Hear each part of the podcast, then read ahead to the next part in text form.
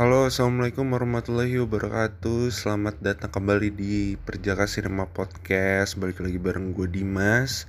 Sekarang kita udah masuk ke episode 6 nih. Sebelumnya gue mau terima kasih dulu kepada pendengar-pendengar yang udah setia. Walaupun gak banyak, tapi udah mau dengerin terus nih sampai uh, episode ke-6 sekarang dan um, sejauh ini gue udah buat 5 episode yang uh, semoga bisa membuat kalian terhibur atau enggak membuat apa ya menjadi referensi kalian untuk nonton sesuatu atau um, buat nambah uh, perspektif aja gitu. Yang uh, gue kasih dengan argumen-argumen gue terhadap serial atau film-film yang gue bahas gitu ya. Nah, untuk episode kali ini gue mau bahas film yang baru aja keluar. Uh, mungkin udah bisa dilihat dari cover dan juga judul gue mau bahas film apa yaitu film The Suicide Squad. Nah, berhubung nih ya uh, apa namanya bioskop nih masih belum buka juga gitu kan karena masih pandemi masih ppkm belum di belum apa ya belum selesai-selesai nih. Makanya The Suicide Squad ini nggak tayang di Indonesia. Tayangnya cuma ada di HBO Max. Mungkin yang bisa uh, yang punya HBO Max bisa langsung nonton Suicide Squad di HBO Max atau setahu gue tuh HBO Max kalau di Indonesia biasanya HBO Go. Nah, jadi Suicide Squad ini kan sebenarnya udah dibuat gitu ya tahun 2016. Terus kenapa ada The Suicide Squad nih tahun 2021 apa bedanya uh, dan menurut gua gimana gitu kan perbandingan keduanya. Gue bakal ngebandingin antara kedua Suicide Squad ini terus juga apa yang gue suka dari Suicide Squad yang sekarang terus juga um, apa yang gue kurang suka dan ya itu sih yang mau gue bahas. Mungkin ada sedikit Easter eggs Easter eggs yang mau gue bahas sedikit gitu ya. Oke jadi Suicide Squad yang sekarang yang tahun 2021 ini disutradarai oleh James Gunn James Gunn ini buat orang-orang nih yang pendengar yang tinggal di bawah batu kayak Patrick Star nih ya. Uh, jadi James Gunn ini adalah sutradara yang buat Guardians of the Galaxy 1, uh, eh, Guardians of the Galaxy Volume 2, terus juga dia pernah buat um, ini Super, Super itu kayak film low budget superhero vigilante gitu seru. Uh, bisa kalian tonton itu gue udah pernah nonton. Yang main tuh si Dwight yang di The Office. Gue lupa nama aktornya cuman dia yang jadi peran utamanya dan dia yang jadi uh, superhero dalam tanda kutip gitu ya vigilante gitu. Dan itu super itu mirip banget menurut gue sama Kick Ass sih itu mirip banget.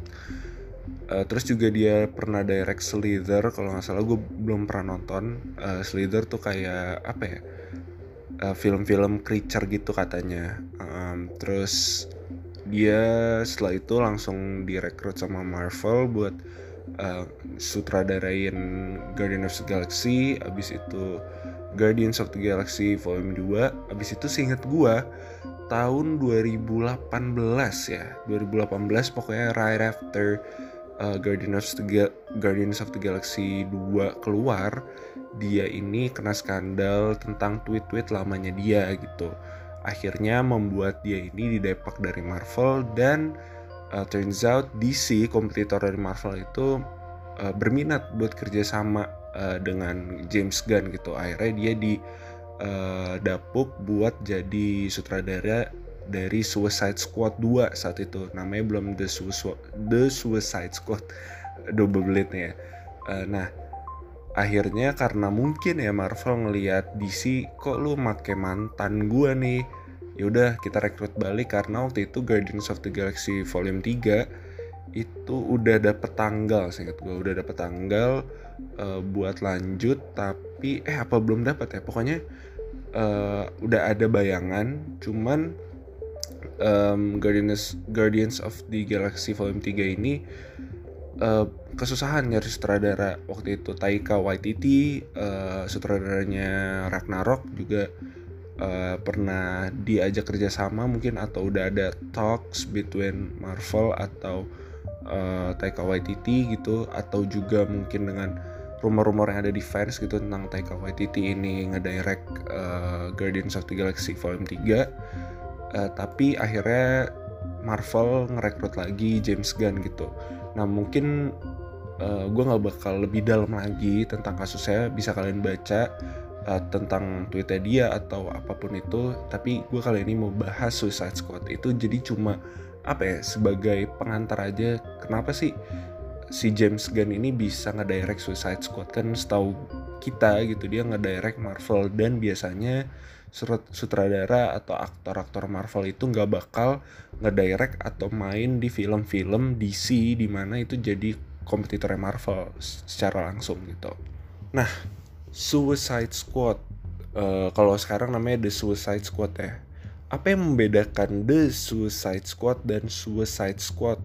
Jadi The Suicide Squad ini dirilis tahun 2021 uh, eh, baru aja uh, dan Suicide Squad itu dirilis tahun 2016. Nah bedanya itu uh, sebenarnya dari premisnya masih sama, gimana ada beberapa tahanan di penjara Bell Reef. Bell Reef ini kalau di DC Comics, seinget gue itu kayak salah satu penjara yang um, isinya super villains jadi super villains tuh di uh, contain di situ atau ditahan di situ gitu nah uh, penjahat penjahat super villain ini yang ada di Bell Reef ini uh, bisa untuk direkrut sama Amanda Waller. Amanda Waller ini adalah pencetus dari program Task Force X atau Suicide Squad. Kenapa dibilang Suicide Squad? Karena si supervillain ini akan direkrut untuk menjalani misi-misi uh, tergantung kebutuhan dari pemerintah Amerika uh, di mana si supervillain ini akan ditancapkan kayak semacam peledak di dalam tubuhnya di mana kalau misalnya mereka gone rogue atau uh, mereka nggak mematuhi perintah dari si Amanda Waller ini mereka akan uh, dibunuh gitu akan meledak gitu. Nah di tahun 2016 ini udah pernah dibuat nih waktu itu sutradaranya itu David Ayer um, dan menurut gue it's a bad movie seri gue gue I'm being serious itu film mungkin kayak tanpa ini kan banyak banyak rumor yang gue baca katanya uh, ada campur tangan DC atau Warner Bros yang terlalu besar di dalam Suicide Squad 2016 itu yang menyebabkan filmnya menjadi kurang presentable ke masyarakat gitu. Padahal menurut gue dari ceritanya sendiri itu udah um, apa ya terlalu generik gitu. Uh, gimana mereka ngelawan monster gede, terus juga uh, apa ya super villain yang gak punya kepribadian dan segala macam gitu dan ditambah lagi sama uh, cerita-cerita dari atau arc-arc cerita dari karakter-karakter di sini yang kurang menurut gue kurang dieksplor lebih. Kayak uh, waktu itu tuh ada Deadshot terus Katana. Katana bahkan gak ngomong sama sekali seingat gue di film. Gue nggak inget dia ngomong apa-apa. Terus juga Enchantress uh, Captain Boomerang. Terus juga ada kalau nggak salah Slipknot. Uh, dia waktu itu mati pertama kali ya. Ini spoiler. Oh iya astagfirullah. Ini buat yang denger ini spoiler ya full spoiler. Jadi ya tapi Suicide Squad kan udah dirilis 2016 juga kan. Eh, nggak uh, nggak nggak spoiler lah itu udah lama masa belum nonton gitu kan. Ya tapi uh, waktu itu Slipknot abis itu ada Killer Croc uh, udah deh setau gue udah ya udah udah udah. Oh ya sama Rick Flag. Nah menurut gue gitu sih di Suicide Squad 2016 itu kurang ada yang namanya cerita atau backstory yang bisa membuat kita care terhadap uh, karakter-karakternya. Uh, kecuali mungkin satu oh ya ada yang namanya Diablo. Diablo ini waktu di 2016 itu sebagai kayak apa ya uh, manusia yang bisa ngendalin api gitulah. Dan menurut gue cerita yang paling um, bisa diceritakan waktu itu dengan cukup baik itu cuma Deadshot uh, Harley Quinn menurut gue nggak terlalu cuman masuk lah maksudnya kita nggak nggak nggak benar-benar buta gitu akan ceritanya. Terus juga uh, ada siapa ya? Uh, Captain Boomerang itu lumayan lumayan dapet lah uh, gue uh, maksudnya kayak uh, empati gue ke Captain Boomerang tuh dapet terus juga ke Diablo. Udah gitu dong sisanya gue nggak peduli sama sekali siapa pun mereka Enchantress bahkan ah uh, Cara Delevingne man. Actingnya aduh. Ya gitu deh tapi uh, terus juga um, di 2016 itu ceritanya kayak apa ya kayak dipotong dengan tidak baik aja sih. Dan di situ mungkin gue oke okay, gitu ada campur tangan Warner Bros. Tapi emang dari awal ceritanya tuh bertele-tele dan kurang kreatif aja gitu cara menceritakan per karakternya gitu. Kalau di 2016 itu karakternya diceritain dengan bener-bener kayak game gitu loh. Uh, di dikasih tahu nih satu karakter terus kayak freeze frame habis itu dikasih kayak infografis gitu. E, namanya siapa julukannya siapa kekuatannya apa backgroundnya apa gitu-gitu deh. Dan di situ menurut gue kurang kreatif aja gitu dari segi penulisan atau penceritaannya. Nah terus e, di 2016 yang memorable menurut gue itu soundtracknya. Setahu gue uh, Suicide Squad ini menang di Oscar ya menang di Oscar buat soundtrack dan ya gue gue akuin sih emang soundtracknya sampai sekarang masih terngiang-ngiang di gue cukup memorable. Um, kayak waktu itu 21 Pilots juga tiba-tiba ngebum banget kan gara-gara uh, lagu di Suicide Squad terus juga uh, lagu Bohemian Rhapsody di uh, taruh di situ gitu. Jadi benar-benar Suicide Squad ini yang paling bagus menurut gue dari lagunya sih. Soundtrack soundtracknya itu menurut gue memorable semua sisanya wah nggak usah deh. Kalau kalau misalnya kalian pengen nonton uh, tapi ragu-ragu gue kasih tau aja mending nggak usah. Uh, mending nonton yang 2021 gitu. Nah terus apa bedanya dim sama yang 2021 ini gitu? Apakah karakternya masih sama terus juga ceritanya masih sama gitu? Uh, iya karakter-karakternya masih ada beberapa yang sama tetapi uh, kebanyakan berubah dalam arti gini. Ada beberapa karakter yang muncul di 2016 tapi uh, dan muncul lagi di 2021 tapi uh, diceritakan karakternya ini menjadi beda gitu. Kayak contohnya Amanda Waller di yang 2016 itu uh, kayak gimana ya ya udah kayak karakter yang jadi bos dari Suicide Squad semua gitu. Tapi yang di 2021 ini spoiler alert lagi sekali lagi gitu ya. Di 2021 ini Amanda Waller jadi bisa dibilang uh, villain kedua lah dari si uh, Suicide Squad ini. Karena yang pertama Starro gitu kan. Nah terus juga karakter-karakternya emang beda-beda juga dim dari yang 2016 iya beda-beda. Jadi uh, ada beberapa yang kembali uh, seperti tadi Amanda Waller terus juga ada Harley Quinn yang masih diperanin Margot Robbie terus ada Captain Boomerang yang sadly uh, mati. Gue nggak aduh gue gue sebenarnya nggak nggak suka banget nyeritain sesuatu sambil spoiler gitu. Cuman kayak apa ya gue karena udah spoiler alert jadi bebas lah ya gitu yaudah deh gitu kan. Jadi itu Captain Boomerang ada uh, di Suicide Squad 2021 tapi mati sadly uh, di awal-awal.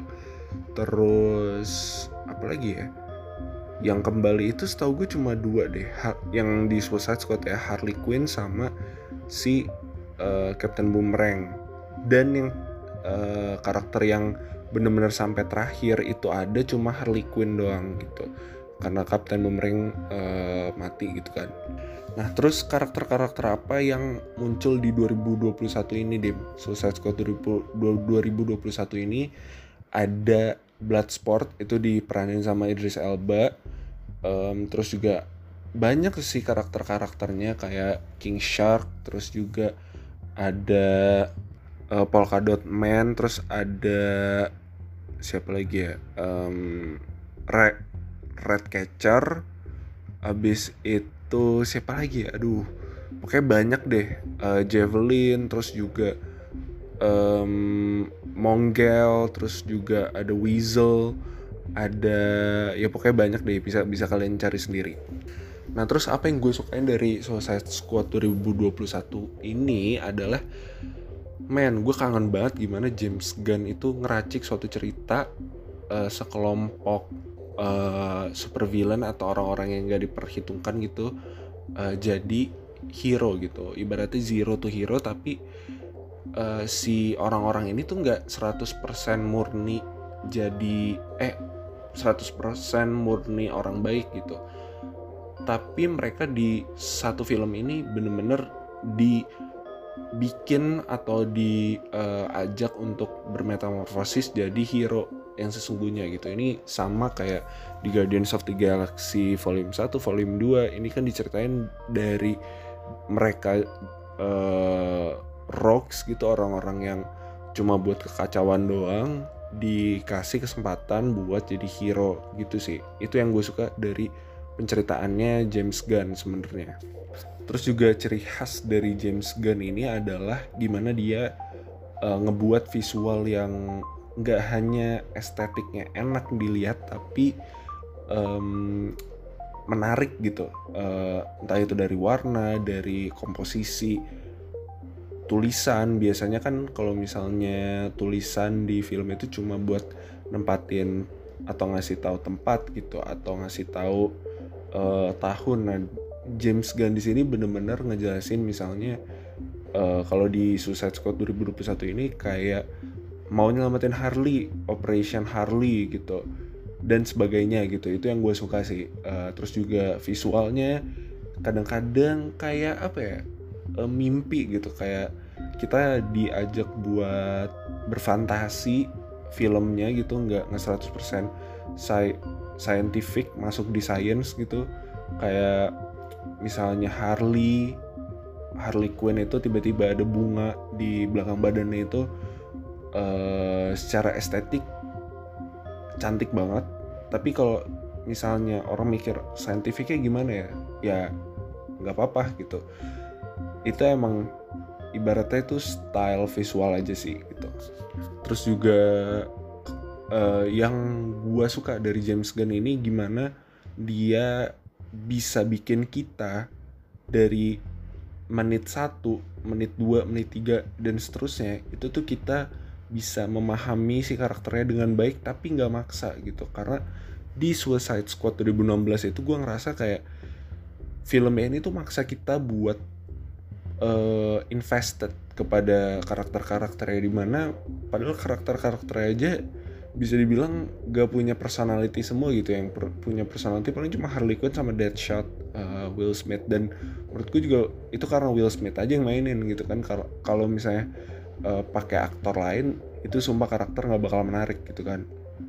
Nah beda di sini di sini bahkan si Polka Dot Man gitu kan Nih lu kalau lu bayangin ya, Polkadot Man apa? Iya, kayak manusia yang bisa ngeluarin polkadot dari badannya itu apa yang bisa lu bikin menarik gitu dari si karakter ini. Tapi James Gunn bisa bikin menarik uh, si karakter yang lu pikir nggak bisa dibuat menarik sama sekali gitu. Terus juga um, yang gue lihat formulanya James Gunn itu tuh selalu berhasil gitu ya. Gimana?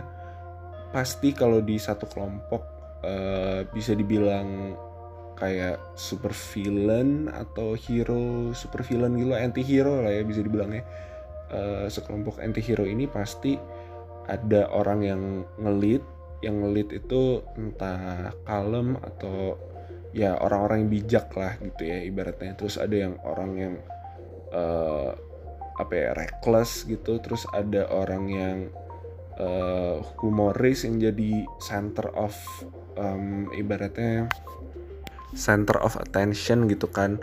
Kayak waktu di Guardians of the Galaxy itu center of attention yang suka ngelawak-ngelawak itu si uh, Drax ya kalau nggak salah. Kalau di sini bisa gue bilang uh, itu Peacemaker. Peacemaker di sini lumayan bisa ngebanyol gitu ya ibaratnya. Meskipun emang karakternya serius uh, komedi lah gitu. Cuman di sini gue bisa lihat dia yang cukup nyeletuk uh, yang lucu-lucu tuh si Peacemaker. Terus juga ada karakter yang uh, cuma ngomong satu dua kata tapi lucu uh, menggemaskan gitu ya. Itu King Shark sama Groot gitu kan. Itu yang gue samain. Dan ya itu selalu works. Nggak tau kenapa ya si James Gunn ini selalu bisa bikin karakter yang out of nowhere gitu. Yang bahkan DC aja ini lo ngapain sih pakai karakter ini? gitu kan ibaratnya. Tapi uh, James Gunn tuh bisa elevate value dari karakter-karakter ini menjadi sesuatu yang menarik dan sesuatu yang fresh gitu. Karena gue uh, sebelumnya belum ngeliat ini sih selain dari Guardians of the Galaxy gitu. Terus um, dari segi CGI dari segi teknik CGI-nya di sini wah ciamik gitu ya. Sangat bagus gue nggak melihat ada uh, sekecil apa pun nih kayak CGI yang gagal gitu. Karena uh, ini tuh mengingatkan gue sama MCU mungkin phase 1 phase 2 gitu yang CGI-nya masih bagus.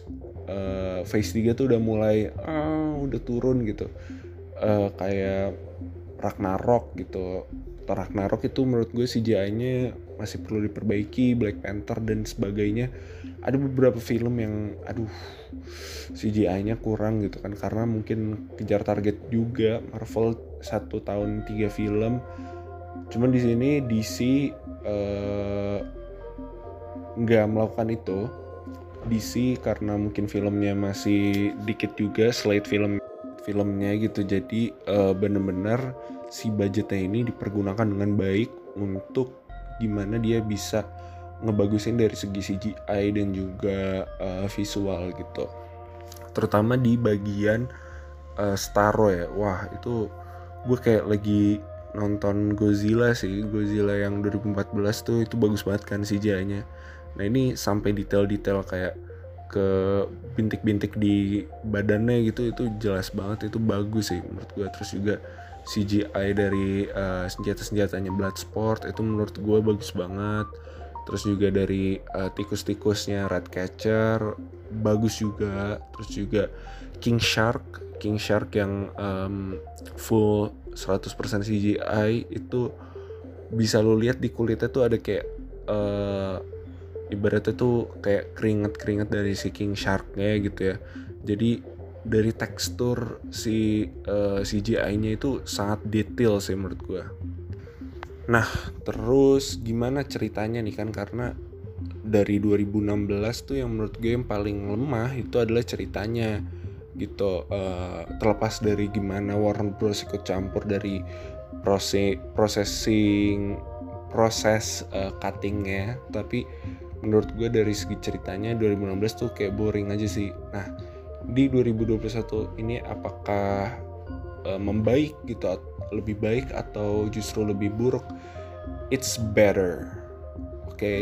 it's much better. Gue lebih suka yang 2021 ceritanya karena uh, ini tuh correct me if I'm wrong tapi ini bener-bener kayak uh, ngambil cerita dari real life yaitu waktu itu krisis Kuba kan ya jadi uh, gimana si Amerika Serikat ini mencoba um, mengintervene lah di Kuba gitu tentang senjata nuklir dan sebagainya. Sampai akhirnya tuh pemerintah Kuba itu di um, kudeta gitu. Nah di sini tuh kalau gue kalau gue nggak salah ya itu pasti ngambilnya dari situ sih. Terus juga dari uh, cerita atau gimana si negara ini digambarin tuh itu Kuba banget gitu. Uh, dan ceritanya it's good. I mean bagus lah kalau dibandingin sama film-film DC terakhir ya kecuali Zack Snyder's uh, Justice League. Bagus karena uh, film DC terakhir yang gue suka yang ceritanya bagus itu Shazam. Gue nggak nonton Birds of Prey karena uh, dari trailer aja gue udah kurang suka gitu ya. Dan gue yakin juga ceritanya yang gue baca juga kurang sih Birds of Prey gitu.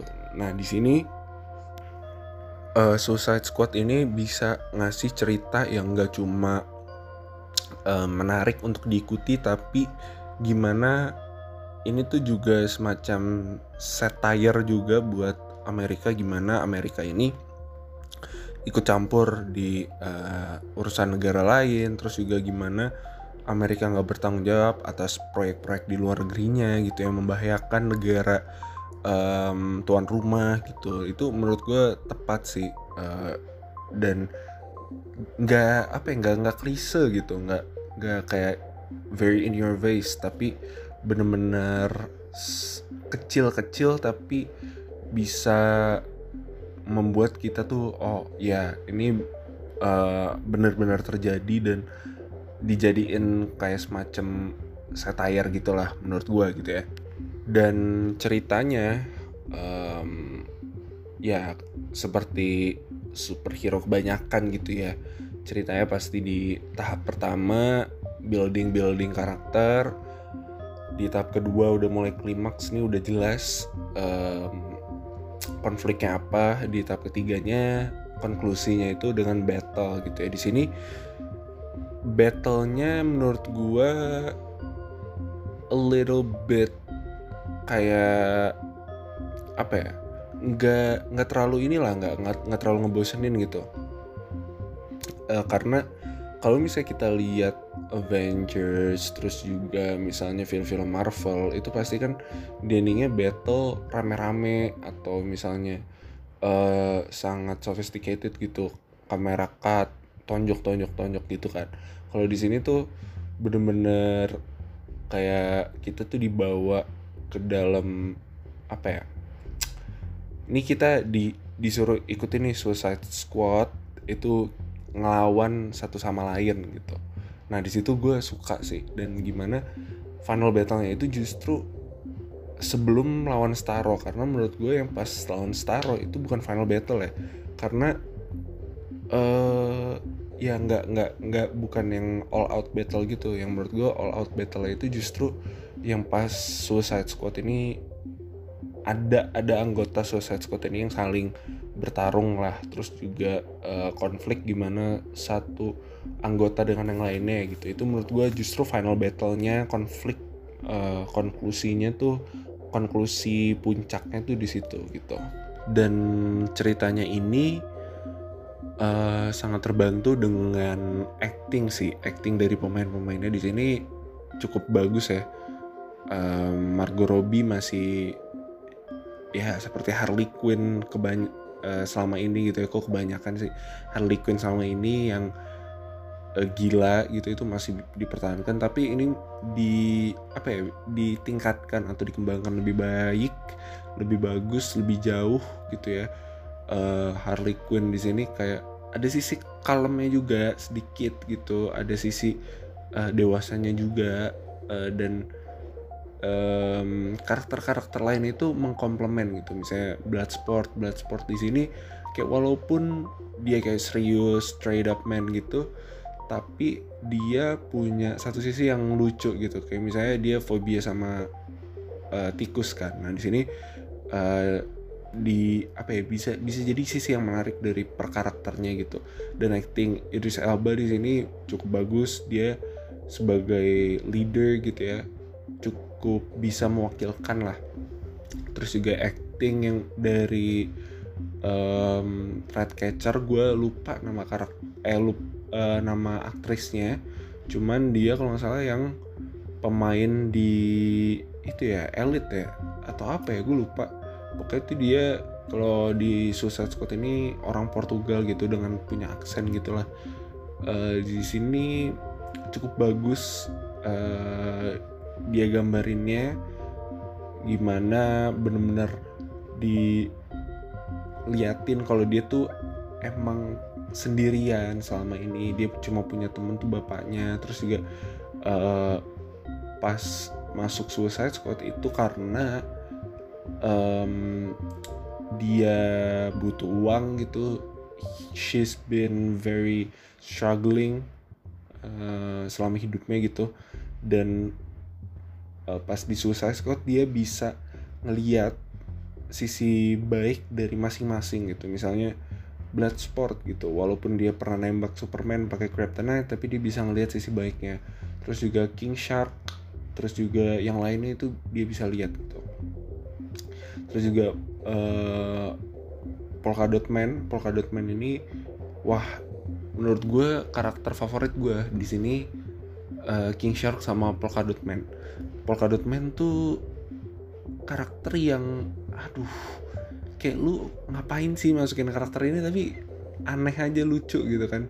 Kalau dimasukin uh, tambah menarik gitu. Dan pembawaan aktornya gue lupa lagi aduh nama karakternya. Eh nama aktornya uh, tapi di sini uh, actingnya kayak orang-orang depresi dapet sih.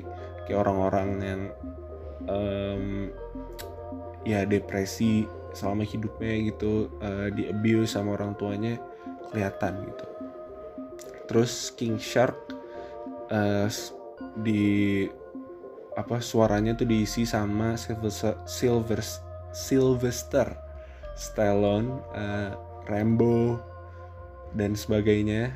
Ini dia, oh ya Rocky, Sylvester Stallone ini menurut gue berhasil deliver sih.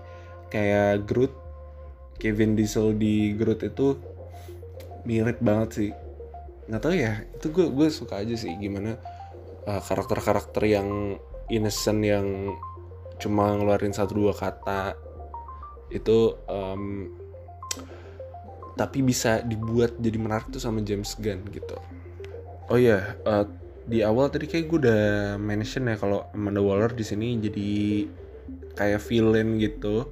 Karena ya menurut gue Amanda Waller di sini um, kayak udah had enough sama Suicide Squad gitu sih. Kalau gue ngeliatnya kayak karena kita nggak nggak dikasih tahu nih kayak uh, Deathstroke lagi kan. Deadshot Deadshot terus juga Katana gitu-gitu yang di Suicide Squad 2016 tuh nggak dikasih tahu nasibnya gimana kan. Uh, apakah mereka ada misi baru terus gagal dan si Amanda Waller ini cuma jadinya ngelihat orang-orang di sini tuh kayak ya udah sebagai objek aja ya. Di 2016 juga ngeliatnya sebagai objek ya. Cuman uh, ketika apa ya ketika emang bener-bener si uh, anggota Suicide Squad ini bener-bener ngelakuin kesalahan gitu. Entah itu kabur atau apa. Kalau di sini si Amanda Waller tuh uh, kayak uh, mementingkan kepentingannya sendiri gitu. Gue ngeliatnya di 2021 ini. The, di The Suicide Squad ini gitu. Jadi dan acting dari aduh gue lupa lagi. Oh Viola Davis ya yeah, Viola Davis kan uh, actingnya masih sangat bagus sih Viola Davis masih sangat sangat bagus gitu Nah, setelah tadi dari acting, CGI, cerita, karakter, penceritaan, semuanya itu gue suka ya. Cuman ada satu yang gue kurang suka sih. Uh, soundtracknya agak kurang memorable sih. Gue nggak nggak bisa inget satu soundtrack dua soundtrack kayak yang di Suicide Squad 2016 atau di Guardians of the Galaxy 1 2 di sini uh, mungkin emang budgetnya nggak terlalu besar gitu ya. Mungkin uh, Warner Bros. masih mikir kalau misalnya ngapain gue ngeluarin duit buat beli-beli lisensi gitu. Terus juga seinget gua kalau misalnya beli lisensi uh, kalau Disney tuh masih bisa ya. Karena emang lagu-lagunya mungkin dari 80s waktu di Guardians of the Galaxy uh, di Guardians of the Galaxy Volume 2 juga masih 80s mungkin masih bisa lah dicari. Cuman kalau misalnya yang Suicide Squad di Suicide Squad yang pertama itu kan kebanyakan original songs gitu kan. Kalau misalnya Warner Bros. harus ngeluarin uang lagi dan harus um, spend budget mereka ke soundtrack lagi kayak mungkin dipikirnya buat apa juga gitu kan. Di sini banyak banget um, sequence atau scene-scene yang eh, nggak uh, diiringi yang menurut gue tuh harusnya oh ini harusnya ada nih ada soundtracknya gitu. Tapi ternyata enggak gitu. Uh, jadinya kurang asik aja sih sini gue padahal udah nggak expect karena James Gunn dan juga Suicide Squad gitu yang identik dengan lagu ternyata uh, ada beberapa scene yang kayaknya harus ada lagu jadinya ya kurang gitu kurang ngena aja sih di gue dan nggak ada soundtrack kayaknya yang gue inget deh. Cuma iya nggak ada nggak ada sama sekali. Uh, soundtrack yang benar-benar oh kayak yang waktu itu Hiddens terus juga misalnya di Guardians of the Galaxy itu yang uh, Michael Jackson atau Jackson 5 itu nggak uh, ada sih di Suicide Squad 2021 ini. Nah paling uh, segitu aja sih apa yang gue suka dan yang gue suka. Sekarang gue mau masuk ke bagian-bagian yang uh, apa ya yang menjurus atau yang menuju ke gimana sih kelanjutan dari cerita-cerita uh, si member Suicide Squad ini gitu kan. Kelanjutannya apakah bakal muncul lagi atau bakal uh, dibuat spin off nah ini mungkin yang belum tahu lagi yang belum pernah dengar. Jadi untuk Suicide Squad uh, itu bakal ada spin offnya yaitu serial uh, di HBO Max yaitu serialnya Peacemaker. Peacemaker ini masih diperanin sama John Cena dan masih ditulis sama James Gunn. Uh, gue sih sebenarnya excited, cukup excited dengan si Peacemaker ini. Cuman gue mengekspektasikan karakter-karakter lain aja sih. Karena menurut gue ada yang lebih menarik dari Peacemaker gitu. Uh, contohnya Red Catcher itu menurut gue lebih menarik loh daripada Peacemaker di Suicide Squad ini ya cuman nggak tahu ya uh, karena Peacemaker ini punya peran yang cukup titular gitu cukup penting lah di um, Suicide Squad kali ini gitu. Uh, tapi gue berharap aja karakter-karakter lain tuh dapat spin-off juga kayak uh, kayak tadi gue bilang itu si Red Catcher terus juga King Shark. I really hope dia bakal muncul lagi di serial atau di film-film selanjutnya karena man dia lucu banget. Gue kayak pengen meluk gitu kayak Catcher di ending scene-nya gitu kan meluk uh, si King Shark. Terus uh, gue pengen ngeliat Bloodsport uh, di spin off-nya sendiri gitu. Karena senjata itu keren banget men. Gue bingung deh ngeliat CGI CGI nya keren keren banget di sini. Uh, kayak apa ya real aja gitu. Nggak nggak nggak ada yang kelihatan bohong. Terus uh, Polka Dot Man aduh sayang banget ya. Kalau itu karakter favorit gue. Uh, ya semoga um, mungkin somehow bakal dia muncul lagi atau dibikin prequelnya. Semoga sih. Um, ya kayak gitu aja deh. Uh, kayak gitu aja. Jadi gue tutup episode kali ini makasih yang udah nonton makasih banget. Uh, ini kita udah masuk episode ke-6 nih. Semoga masih bisa lanjut terus. Uh, makin banyak yang dengar. Semoga kalian juga sebenarnya aim gue bukan gimana banyak yang denger sih tapi gimana informasi gue ini bisa kalian terima dengan baik dan juga bisa memberi kalian perspektif baru terhadap uh, tontonan-tontonan yang harusnya enggak cuma ditonton gitu ya tapi bisa uh, kalian dapetin apa nilai apa nilai apa. Dan dengan dengerin ini gue harap bisa oh iya ternyata dia punya nilai kayak gini loh. Uh, selain dari cuma uh, visual yang bagus atau CGI yang bagus gitu tapi punya nilai dari ceritanya apa gitu. Dan dengan dengar ini gue harap tuh bisa kayak gitu. Um, ya udah deh uh, gue tutup. Uh, makasih sekali lagi yang udah nonton. Pantengin terus uh, Instagram gue uh, Perjaka Cinema. Terus juga Spotify uh, Perjaka Cinema Podcast. Bisa kalian share ke teman-teman kalian mungkin yang suka nonton juga. Kalian rekomendasiin kalau emang kalian suka ini gitu. Uh, ya udah deh. Wassalamualaikum warahmatullahi wabarakatuh. Makasih sekali lagi yang udah nonton. Bye eh kok nonton sih? Denger denger. Ya allah makasih udah denger. Assalamualaikum